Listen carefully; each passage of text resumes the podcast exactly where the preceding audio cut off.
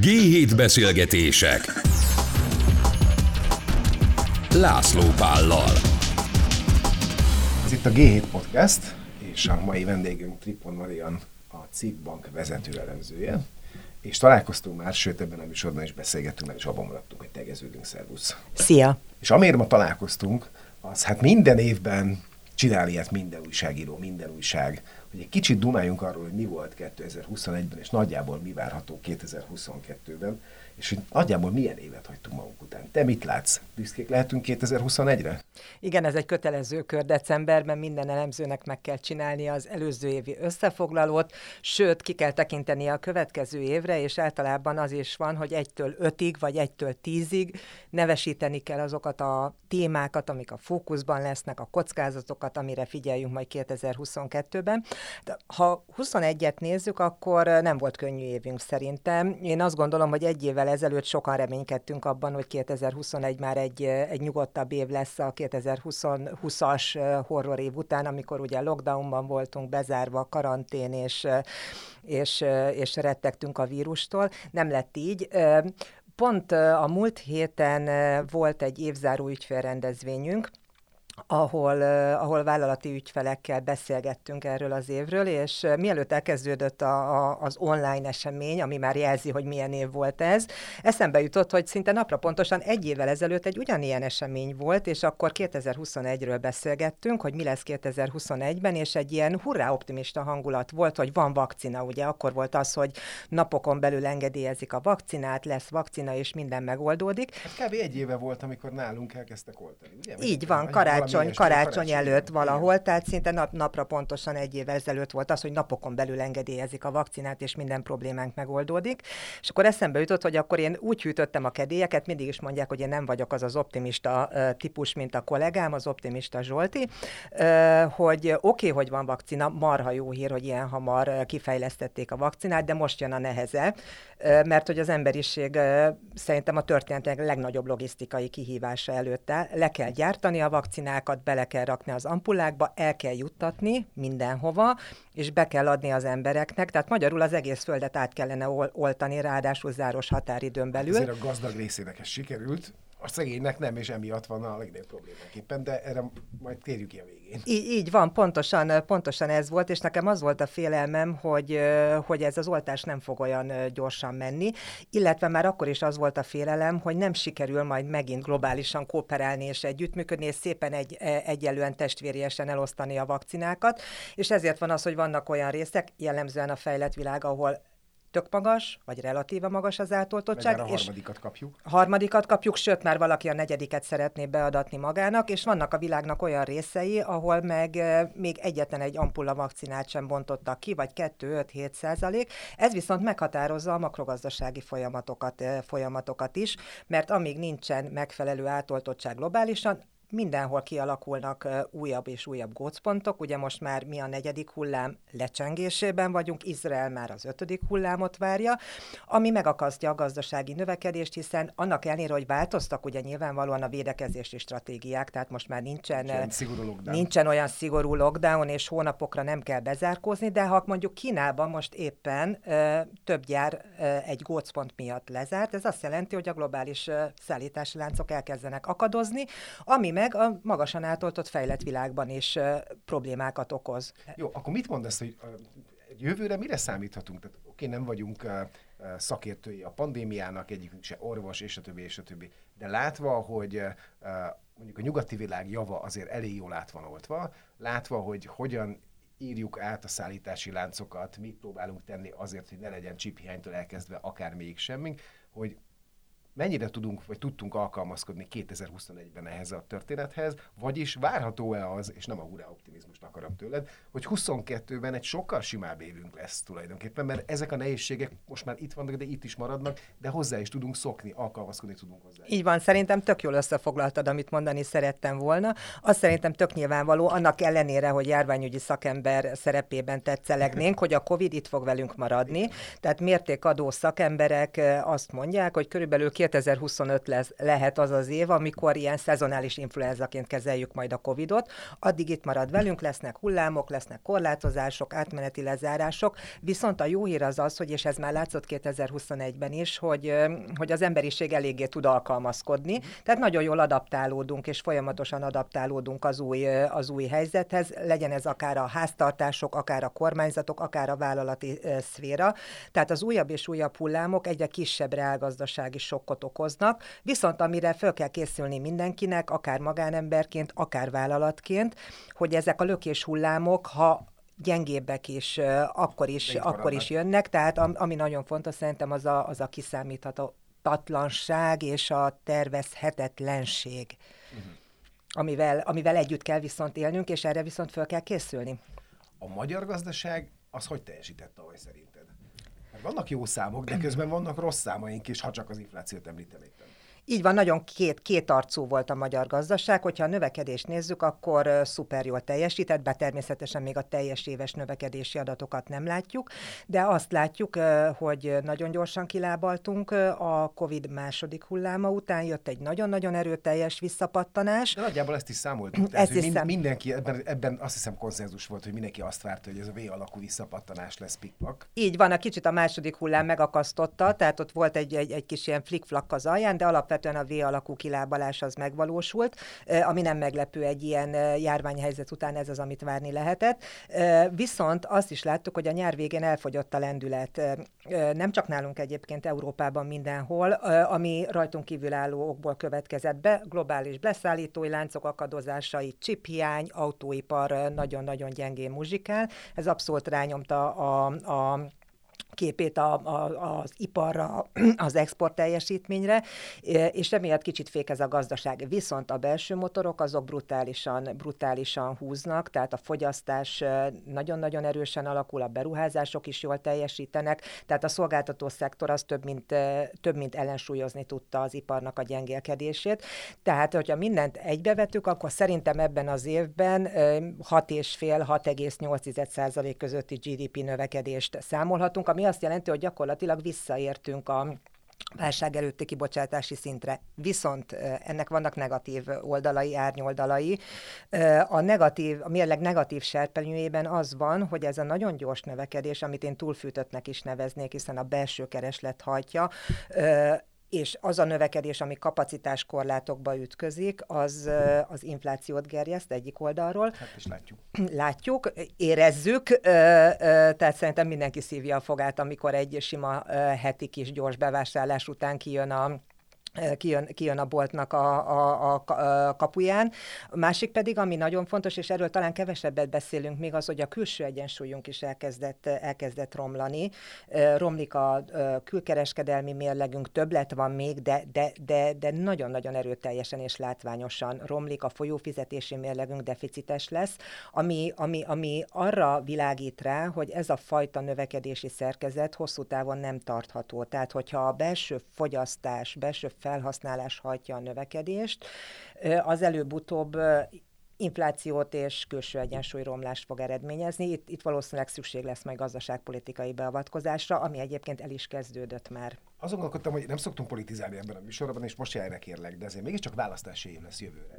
Az a mennyiségű pénz, amit most a kormány bedönt a lakosságra, nyugdíjemelés, nyugdíjprémium, nem tudom, rendvédelmi dolgozók béremelése, és a többi, és a többi, hogy ez mit, fog, mit okoz majd 22-ben nekünk? Tehát, hogy mennyire tudja azt a folyamatot, amit mondasz, egy picit még jobban ellensúlyozni. És értem, hogy ez is fogyasztás alapú lesz, ez a növekedés, de azért mégiscsak nagyon sok pénz kerül hirtelen most a lakossághoz. Abszolút, és, és ez növekedési oldalról 2022-ben, legalábbis az év első felében még bőven ellensúlyozni fogja uh-huh. az iparnak a, a bukdácsolását, gyengélkedését, viszont, viszont nagyon nem jó, hogy ez a rengeteg pénz ráömlik a gazdaságra, mert másik oldalról tovább fűti az inflációt, tovább rontja a külső egyensúlyunkat. Persze értjük, választási év van, ez nem magyar, magyar specialitás. A világon, a világon mindenhol az van, hogyha van költségvetési mozgástér, akkor választások előtt szeretik boldogá tenni a választópolgárokat a kormányok pártállástól függetlenül. Viszont ez azt is jelenti, és ezt szerintem előre lehet azért vetíteni, hogy a választások után elkerülhetetlen lesz az, hogy a költségvetés egy fegyelmezettebb pályára álljon, és valami, valami fajta kiigazítás, kiigazításra hát valami el is indult most is, hogyha jól látom, tehát azt hiszem 350 milliárdnyi beruházást húzott vissza a kormány, és van is némi vita, ha jól látom, a pénzügyminisztérium meg a Nemzeti Bank között is, és a kormány e között a hármas között is. Tehát, hogy azért valamiféle hát kiigazításnak hívhatjuk, azért elindult már most. Abszolút elindult, és ebben például a legutolsó bejelentésben, hogy 350 milliárddal visszavágják az állami beruházásokat, pont nincs vita az MNB és, igen, a, igen. és a kormány között, mert, mert a jegybank éppen az elmúlt hónapokban többször erre hívta fel a figyelmet, hogy vissza kellene venni a beruházásokból, meg kapacitáskorlátokba ütközik, nincs annyi termelőkapacitás, ami, ö, ö, amivel összhangban lenne ez, és ha nincsen annyi kapacitás, akkor infláció, akkor infláció lesz. Tehát itt szerintem most az MNB, ö,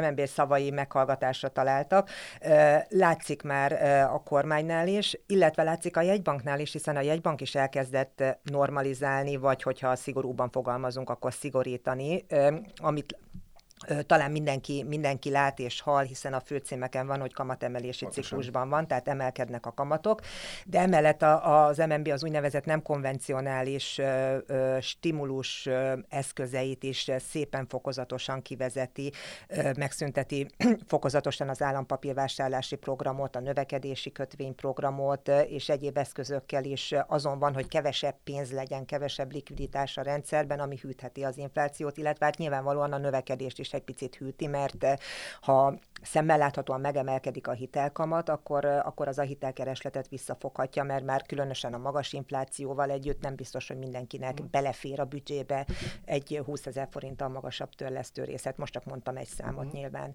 Hogy eh, ezt az inflációt, ami most van, ezt te mennyire tekinted magasnak? Tehát, hogy ebben is van egy pici, ha nem is nagy vita, de egy pici vita azért van, hogy ezt most essünk nagyon kétségbe, vagy ez egy tök kezelhető történet. És én mondtam itt már ebben a műsorban, hogy én még emlékszem a 90-es évek elején a 30%-os uh, inflációra, ami valóban magas volt, és én most nem vagyok nagyon megijedve egyszeri polgárként ettől a történettől. Attól függetlenül, hogy nagyon fáj minden egyes vásárlásnál, de hogy nem vagyok tőle ennyire megijedve, mert alacsonynak tűnik ez a szám. Hova tesszük ezt a számot? Relatíva magas ez az infláció, ö, különösképpen, hogyha mondjuk a, a néhány évvel ezelőtti inflációs szinthez vetjük, de szerintem az inflációnál, mint sok minden másnál soha nem az abszolút érték az érdekes, tehát hogy most 7% vagy, vagy 5,2% az infláció, hanem a tendencia. És ha a tendenciát nézzük, akkor azt látszik, hogy meredeken emelkedik, és gyorsul, gyorsul az infláció. Egyébként ez nem most kezdődött. A, már a COVID előtt is egy emelkedő inflációs pálya volt megfigyelhető Magyarországon. A COVID csak egy átmeneti megtorpanás törést hozott ebben a trendben, és ahogy kilábaltunk a válságból, plusz jöttek a külső problémák, úgy újult erővel kezdett el gyorsulni, kezdett el gyorsulni az infláció, és ma már az látszik, hogy nem csak külső okok okozzák. Tehát nyugodtan hátradőlhetnénk, és senkinek nem kellene izgulnia, hogyha azt látnánk, hogy kizárólag a chip hiány, a papír hiánya, a szállítási költségek drágulása okozza az inflációt, akkor nem kellene aggódnunk, mert, az, a, mert akkor feltételezhetnénk, hogy ahogy ez a sok elmúlik, mert előbb-utóbb elmúlik, akkor szépen emelkedik, visszaáll a régi kerékvágásba. Viszont nálunk azért egy csomó belső ok is, amiről beszéltünk, a túlfogyasztás, a, a túlzott belső kereslet is fűti az inflációt, és ha elkezdjük egy picit megkapirgálni a főszám mögötti adatokat, akkor azt látjuk, hogy hónapról hónapra a termékek, szolgáltatások egyre szélesebb körében lát látszik az, hogy gyorsul az elnövekedés. Tehát nem csak egy, egy-kettő tényező húzza, nem csak mondjuk a benzin húzza, uh-huh. vagy, a, vagy, a, vagy, a, vagy az új autóárak húzzák, hanem gyakorlatilag a fogyasztói kosárnak, ugye az a, az a ö, több száz termék, termékből a, a, a legtöbb gyorsuló ütemben drágul, ami még szintén nem lenne óriási probléma, csak ugye itt van ez a fránya inflációs várakozások nevű dolog.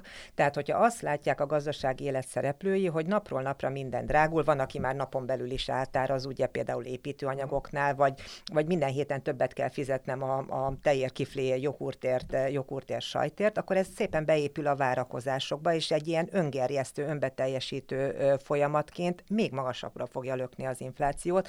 Tehát igazából ez a, ez a legnagyobb kockázat, és ezért van az, hogy bár gondolhatja azt egy jegybank, bármelyik jegybank, hogy ez átmeneti, de mégis lépnie kell, és nem azért, hogy leszorítsa az átmeneti inflációt direkt módon, mert nem tudja. Tehát az, ami külön, kívülről jön inflációs hatás, az ellen nem tud tenni a magyar jegybank, hanem azért, hogy a várakozásokat kordában tartsa, és elhitesse azt a közvéleménnyel, hogy igenis vissza fog menni az infláció, és akkor mindenki ehhez alkalmazkodik, a vállalatok, a háztartások, a munkavállalók. Hogyha én elhiszem, hogy vissza fog menni 3%-ra az infláció, akkor akkor boldog vagyok a mondjuk 5%-os béremelésemmel. Ha én azt gondolom, hogy 7%-ról felmegy 10-re, akkor elkezdem verni az asztalt a, a főnökömnek, hogy már pedig én 12-t, 12 akarok, és beindul ez, a, ez, a, ez, a, ez, ez az ördögi kör. Pláne, hogyha hozzáveszem, hogy ugye, amit az előbb említettem, hogy, hogy vannak olyan szektorok, ahol az állam maga emel, így van. És ha még ezt is hozzáteszem, akkor még nagyobb ez a nyomás tulajdonképpen. Azt, azt mondom nekem, hogy ez a kamatemelési ciklus, amiben az MNB van most, ez szerinted meddig tartható, ez meddig fut? Nem tudom, nem tudom. Az a helyzet, hogy iszonyatosan bizonytalanok a kamatkilátások, tehát szerintem nagyon régen volt olyan, amikor, amikor az elemzők hát gyakorlatilag néznek ki a fejükből, és, és fölteszik a kezüket, hogy nem tudjuk, nem tudjuk, hogy meddig, mert nagyon sok mindentől függ egyrészt, tehát hogy az inflációs kilátások is nagyon bizonytalanok, tehát egy csomó feltételezésekkel élnünk, hogy a beszállítói láncok mikor fognak normalizálódni, hogy második negyedévben harmadik negyedévben. Hogy milyen belső keresletszűkítés lesz a választások után, mondjuk költségvetési politika milyen pályára áll. Hogy az a rengeteg pénz, amit kiöntenek most gyakorlatilag helikopterpénzként az SZIA visszatérítése béremelésekre, hogy annak mekkora része megy megtakarításban, mert akkor az nem fog inflációt gerjeszteni. De ha mindenki rohan és elkölti, inflációt fog, inflációt fog gerjeszteni. Tehát egyrészt, egyrészt ez egy óriási bizonytalanság, másrészt pedig ugye az MNB monetáris politikája is az elmúlt hónapokban egy picit átláthatatlan, átláthatatlanabbá vált. Újra vissza a vezetésre került ez az úgynevezett kettős kamatrendszer. Igen. Tehát ezért, hogy meddig emelkedik a kamat, akkor vissza kell kérdeznem, hogy melyik kamat. Igen, igen. M- mert hogy van az alapkamat, ami ami ott van a kirakatban, tudjuk, hogy 2,1%-ra emelték novemberben, decemberben tovább fog emelkedni. Normális esetben ez az irányadó kamat, ez az, amire figyelünk, de az elmúlt néhány hónapban most már nekünk nem ez az irányadó kamat, hanem reaktiválták az egyhetes betéti kamatot, ami viszont már 3,3%-on áll, tehát van egy, van egy különbség közte. Abban segíts egy picit nekem is, meg a hallgatóknak is, hogy megértsük a kettő közötti különbséget, és hogy ez miért van tulajdonképpen. Mi, mi az egyik, és mi a másik? Minden jegybanknak van egy irányadó kamata, alapkamata, ami, ami valamilyen eszköznek a kamata. Ez lehet egy egyhetes betét, egy három hónapos betét, bármilyen, bármilyen eszköz, vagy akár köt, kötvény is. És normális esetben úgy van a monetáris politika fölépítve, hogy ez az alapkamat irányítja a piaci kamatokat, hiszen számunkra mégiscsak a piaci kamat, piaci kamat a lényeges. Azért tudja irányítani vagy horgonyozni a piaci kamatokat, az irányadó kamat, mert ez az az eszköz, amiben a jegybank korlátlanul befogad pénzt a kereskedelmi bankoktól. Tehát, hogyha egy banknak van fölösleges pénze, amit nem tud kihelyezni, mondjuk nem, nem tud kihitelezni, nem, tud, nem akarja, nem tudja máshova, máshova elrakni, akkor berakhatja a, a jegybankba, és nyilván van egy kamatfolyosó körülötte, stb. De stb. De, igen, értem. De, ez túl, de a lényeg az az, hogyha én a jegybankban bankban x százalékon elhelyezhetem a fölösleges pénzemet, akkor nem fogom x mínusz egy százalékon odaadni egy másik kereskedelmi banknak, és ugyanígy vehetek fel hitelt kvázi a jegybanktól, és hogyha Y százalékon nekem a jegybank korlátlanul ad hitelt, akkor Y plusz egy százalékon nem fogok a, pia, a szomszéd bankba, bankba átmenni. Magyarul az, az irányadó kamat így horgonyozza a piaci kamatokat, tehát egy, megszab egy sávot, uh-huh. amin belül mozoghatnak. Most Magyarországon az egyhetes betéti kamat vette át ezt a szerepet, mert ez az az eszköz, amiben korlátlanul befogad pénzt az MNB, és nem az alapkamat, a klasszikus alapkamat. Ennek politikai oka van, vagy monetáris oka van szerinted? Monetáris politikai oka van. Az MNB azt mondja, természetesen, hiszen a jegybank egy független, független intézmény. De érted, mire kérdeztem el? Tehát, hogy Így van. persze, hogy nem pártpolitikai, meg nem tudom, de hogy mégiscsak választási év van, és azért függ, ha nem is függ, de van hatása a Nemzeti Banknak, még a függetlenséggel együtt is van hatása a kormányzati intézkedésekre, és ugyanez visszafele is. Ab, ab, abszolút, de a piaci kamatokra ugye mindig az aktuális irányadó kamatnak van, az pedig jelentősen megemelkedett. Szóval ott tartottunk, hogy minek, tartottunk, minek hogy minek köszönhető ez. Az MNB azt mondja, az ő indoklása szerint azért van szükség a kettős kamatra, mert egyrészt vannak a tartós inflációs folyamatok, amik, amikre hosszú távon kell reagálni, és azt mondja, hogy erre az alapkamat emeléssel reagál. Viszont vannak olyan rövid távú pénzpiaci vagy árupiaci feszültségek, ezt a kettő piac, részpiacot emelte ki az MNB, amikor bevezette újra a kettős kamatrendszert, amire viszont rövid távon és nagyon rugalmasan kell reagálni. Na most ezek a pénz- és árupiaci feszültségek értelmszerűen a forint árfolyamát jelentik nálunk, ami, ami fontos stabilitási szempontból is, meg fontos inflációs szempontból is, mert hogyha nagyon gyenge a forint, akkor az az infláció, amit kívülről importálunk, még nagyobb lesz, és, és ezekre akar rövid távon rugalmasan reagálni. A két kamat között ugye az a különbség, hogy az alapkamatról, monetáris tanács dönt. Havonta előre meghatározott menetrend szerint, utána arról lesz egy közlemény, egy sajtótájékoztató, megjelenik a jegyzőkönyv, tehát kevésbé rugalmas eszköz. Az egyhetes betétről viszont a jegybanknak az igazgatósága dönt minden csütörtökön, mindenféle közlemény, hókusz-pókusz, körítés, körítés nélkül, és akár hetente lehet akár föl, akár le bármelyik irányba mozgatni. Most kis túlzással egy Excel táblában átírsz egy számot, és akkor holnaptól az lesz az, lesz az irányadó kamat. Tehát ezt a rugalmasságot használja, használja ki, a, ki az MNB, és nyilvánvalóan itt látni kell, hogy az egyhetes betéti kamat mehet föl, fölfele, meg mehet lefele is, tehát eh, amikor majd túl vagyunk az inflációs csúcson, és elkezd lefele menni az infláció, de még vannak inflációs kockázatok, akkor, eh, akkor az MNB már eh, mm, burkoltan lazíthat mert hogy az alapkamathoz nem kell hozzányúljon, az... viszont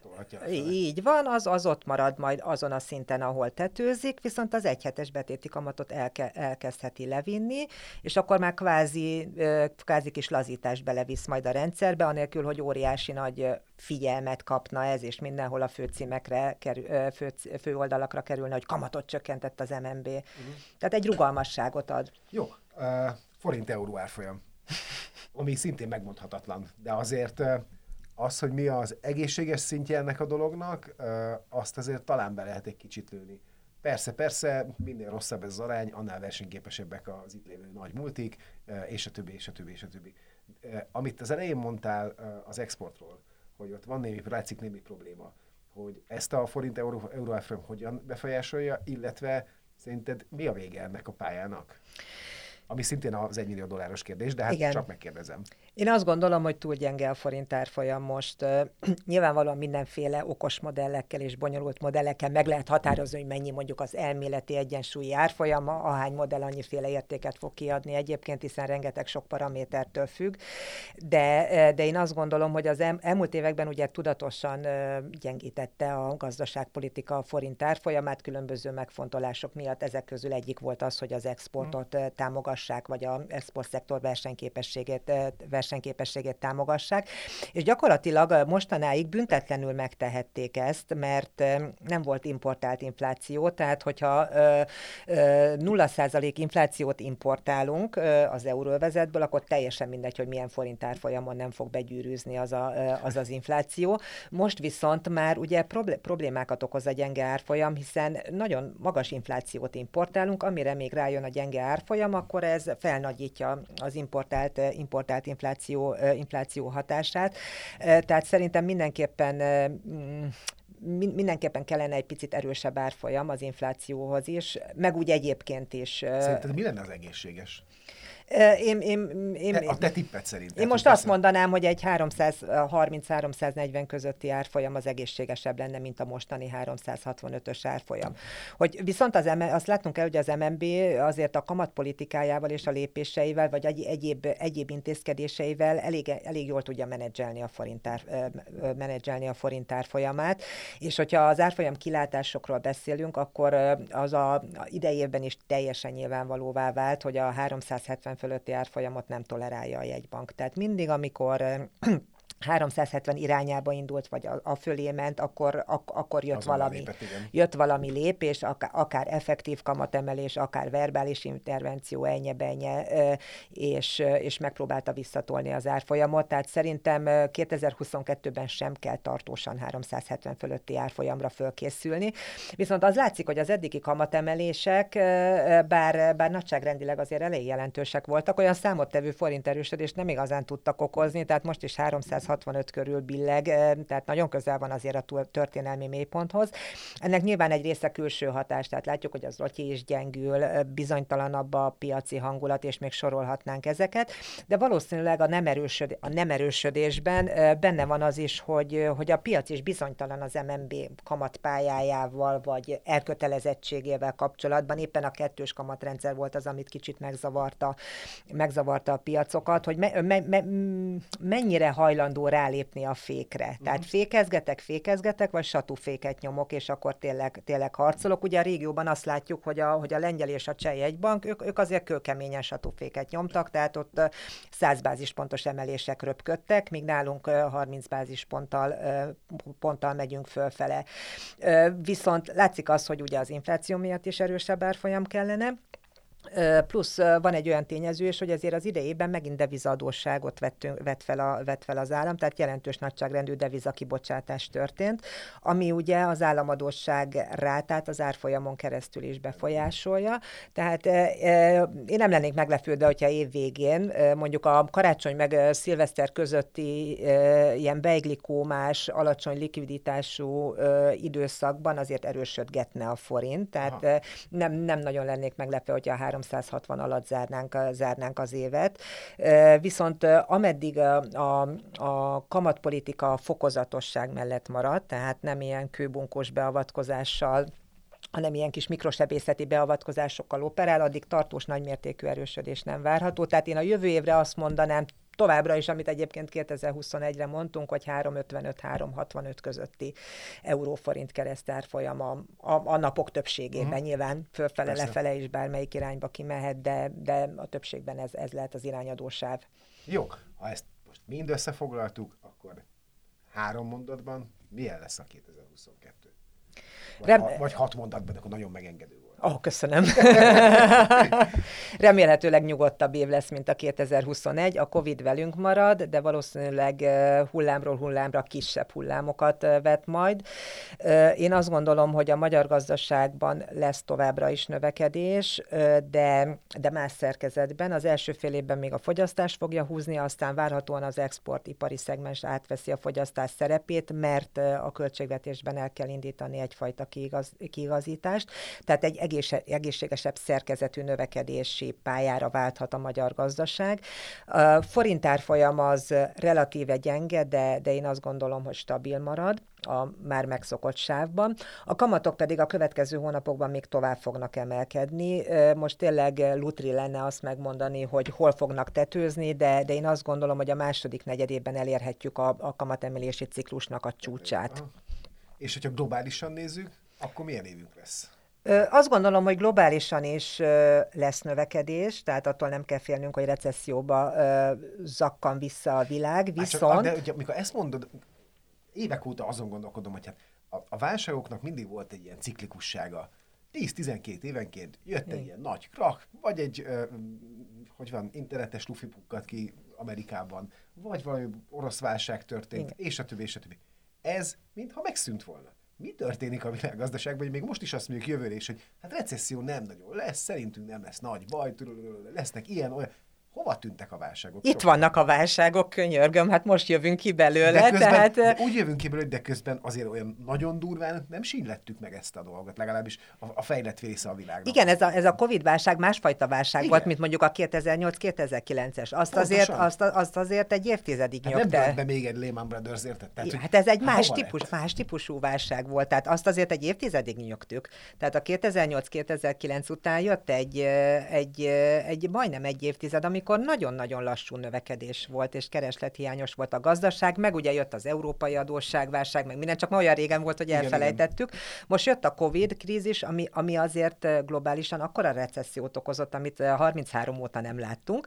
Csak ez egy egészségügyi belőle, válság pontosan. volt, és kipattattunk belőle. Hogy most a következő válságot mi okozza, hát az jó kérdés. Valószínűleg az még nem jövőre fog eljönni. Egyébként azért hagyjunk már egy-két évet, amikor így kicsit, kicsit nagyjából nyugiba vagyunk okozhatja az infláció egyébként, mert azért bár az a konszenzus, hogy sikerül a jegybankoknak megállítani az árnövekedést, de azért ott van az a kis kockázat, és nem, azt, nem mondom, hogy egy százalék az esélye, hanem valószínűleg nagyobb, nagyobb hogy, hogy mi van, hogyha elszabadul az infláció. Akkor ott van az adósságállomány. Azért a, a, a COVID alatt iszonyatosan megnőtt nagyon sok országban az adósságállomány, hiszen pont az eladósodással, az állami pénzzel tudtuk megúszni azt, hogy, hogy, hogy, hogy a, hogy nagyon mélyebb legyen a gödör, vagy ne tudjunk kimászni belőle. Tehát ezek mind-mind sérülékenységet jelentenek, jelentenek a világgazdaságban, de hogy mikor jön a következő ilyen fekete hattyú, ezt azt senki nem tudja megmondani, mert pont az a jellemzőjük, hogy, hogy nem, nem tudjuk, hogy nem látjuk igen. előre, utána már okosak vagyunk, hogy mit kellett volna csinálni. De alapvetően szerintem a jövő év az még, az még nem a, bár ugye bármikor jöhet fekete hattyú, de ha tévedsz, akkor igen, akkor veszlek majd jövőre. Így van, majd jövőre visszatérünk rá, hogy miért nem láttuk előre, de hogyha a fekete hattyúktól eltekintünk, akkor, akkor a jövő év még a kilábalásról fog szólni, lassabb lesz a növekedés, nyilván, mint mondjuk a, a nyitás utáni visszapattanás, és ami szerintem fontos lesz, hogy nem, nem szinkronizált lesz. Tehát, hogy, hogy elmondjam, hogy mit értek ez alatt, azt láttuk, hogy amikor beestünk a gödörbe, ugye első hullám alatt, akkor az egész világ megállt egyszerre mindenki ugyanolyan mélyre zuhant. Amikor jött a nyitás után egy kilábalás, akkor az egész világ szinte egyszerre, szinte ugyanolyan sebessége pattant ki a, gödör, gödör, a, gödörből. 2022 az arról fog szólni, hogy különböző sebességfokozatban fognak, fognak nőni a, a nagy gazdasági régió gazdaságok, és az, hogy ki mennyire jól fog teljesíteni, az függ attól, hogy milyen lesz ugye a COVID helyzet, ami függ az átoltottságtól függ attól, hogy milyen lesz a, a, a járványügyi védekezési stratégia. Ki az, aki zéró toleranciát követ még mindig, most Kína egyedül, aki ezt csinálja egyébként. Hol lesznek szigorúbbak a korlátozások, hol engedik el a, az újabb és újabb járványokat. Függ attól, hogy, az a, hogy mekkora lesz a költségvetési kiigazítás, ugye, mert mindenhol szükség lesz mhm. arra, hogy visszatérjen a költségvetés egy, egy normális pályára. Az euróvezetben egy százalékot terveznek így átlagosan egyébként GDP arányosan az USA-ban 6%-ot. Aha. Tehát azért, azért itt a nagyságrendekben van különbség. És kérdés, hogy mondjuk a költségvetési támogatás helyét a fogyasztás mennyire lesz képes átvenni. átvenni. Tehát összességében azt gondolom, hogy egy ilyen deszinkronizált növekedés lesz. Lesznek, akik jól teljesítenek, lesznek, akik, akik gyengébbek, gyengébben, és nem mindenki egy irányba egyszerre, egy ütemben lépked majd. 2022-ben ígérem találkozunk még, és pontról pontra majd mit tudom én, fél év után megkérdezem tőled, hogy hol jött be, amit jósoltunk most. Minden esetre nagyon szépen köszönöm, hogy itt voltál ma velünk. Tripo Mariant hallották a CIBAG vezetőelemzőjét, és ez volt a G7 Podcast. Szevasztok! Én köszönöm, hogy itt lehettem. Sziasztok!